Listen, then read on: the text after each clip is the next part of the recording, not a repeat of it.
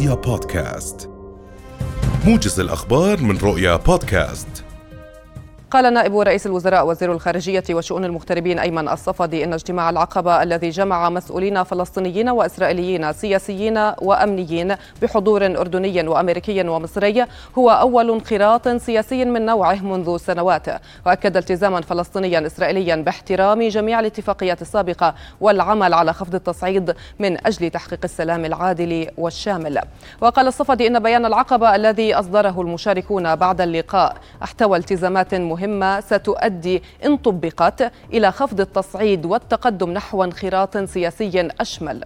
لافتا إلى أن اجتماع العقبة أطلق أو أطلق عملية سياسية ستلتئم مرة أخرى خلال شهر في مدينة شرم الشيخ في جمهورية مصر العربية لمتابعة المفاوضات المكثفة والمباشرة التي شهدها اجتماع العقبة والبناء على مخرجاته.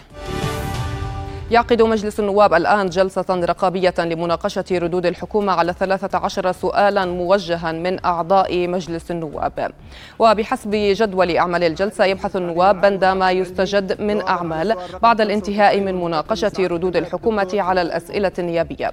هذا وكان مجلس النواب قد أقر في آخر جلساته التشريعية مشروع القانون المعدل لقانون الضمان الاجتماعي لسنة 2023 ووافق على معدل الضمان بعد إجراء تعديلات عليه. عليه.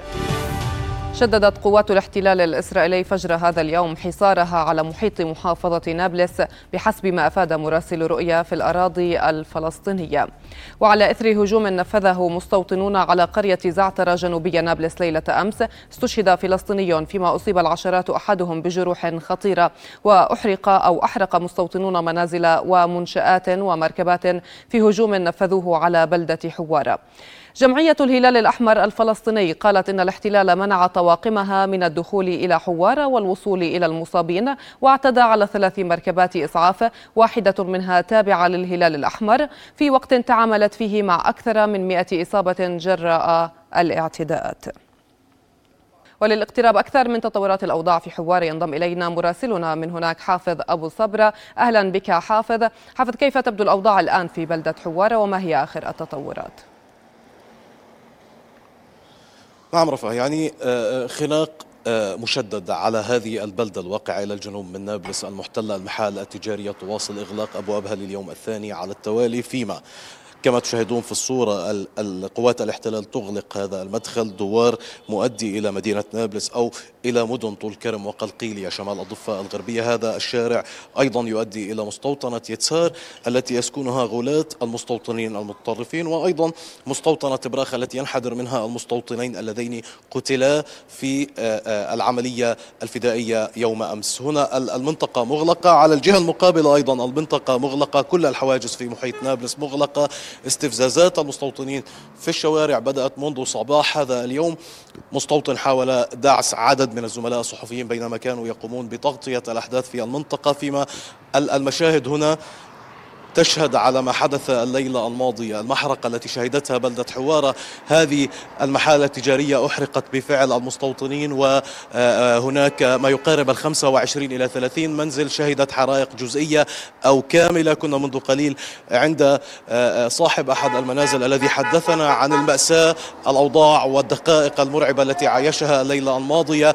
بينما كانت آه، المستوطنون بحماية من قوات الاحتلال يقومون بإحراق منزله بينما هو في الداخل مع أسرته زوجته وأولاده يحاول حمايتهم يحاول حماية المنزل آه، آه، يعني يحاول الخروج بأقل الأضرار في ظل مئات المستوطنين وربما الآلاف الذين هاجموا هذه المنازل في محيط حوارة جنوب نابلس وقرى بورين عصيرة القبلية أودلة وبيتا وزعترة التي استشهد فيها الشيخ آه، آه، سامح آه، الأقطش الشيخ سامح الذي كان عاد منذ أسبوع فقط من تركيا بعد أن ذهب هناك بجهود شخصية متطوعا ليوصل مساعدات فلسطينية لضحايا الزلزال حافظ ما حالة المصابين في تركيا وسوريا جراء الهجوم على قرية زعترة هناك العديد من الإصابات هناك إصابة خطيرة جراء تلقي الشاب الفلسطيني عدة طعنات من قبل أحد المستوطنين وإصابة أخرى جراء الضرب بقضيب حديدي هذا يدلل على الأسلحة التي يحملها المستوطنون.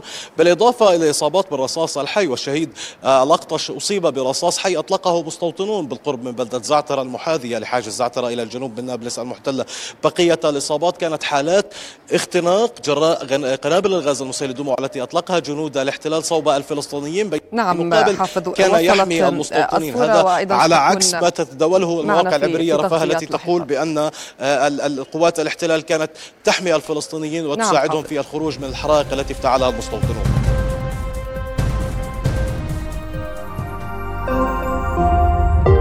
رؤيا بودكاست.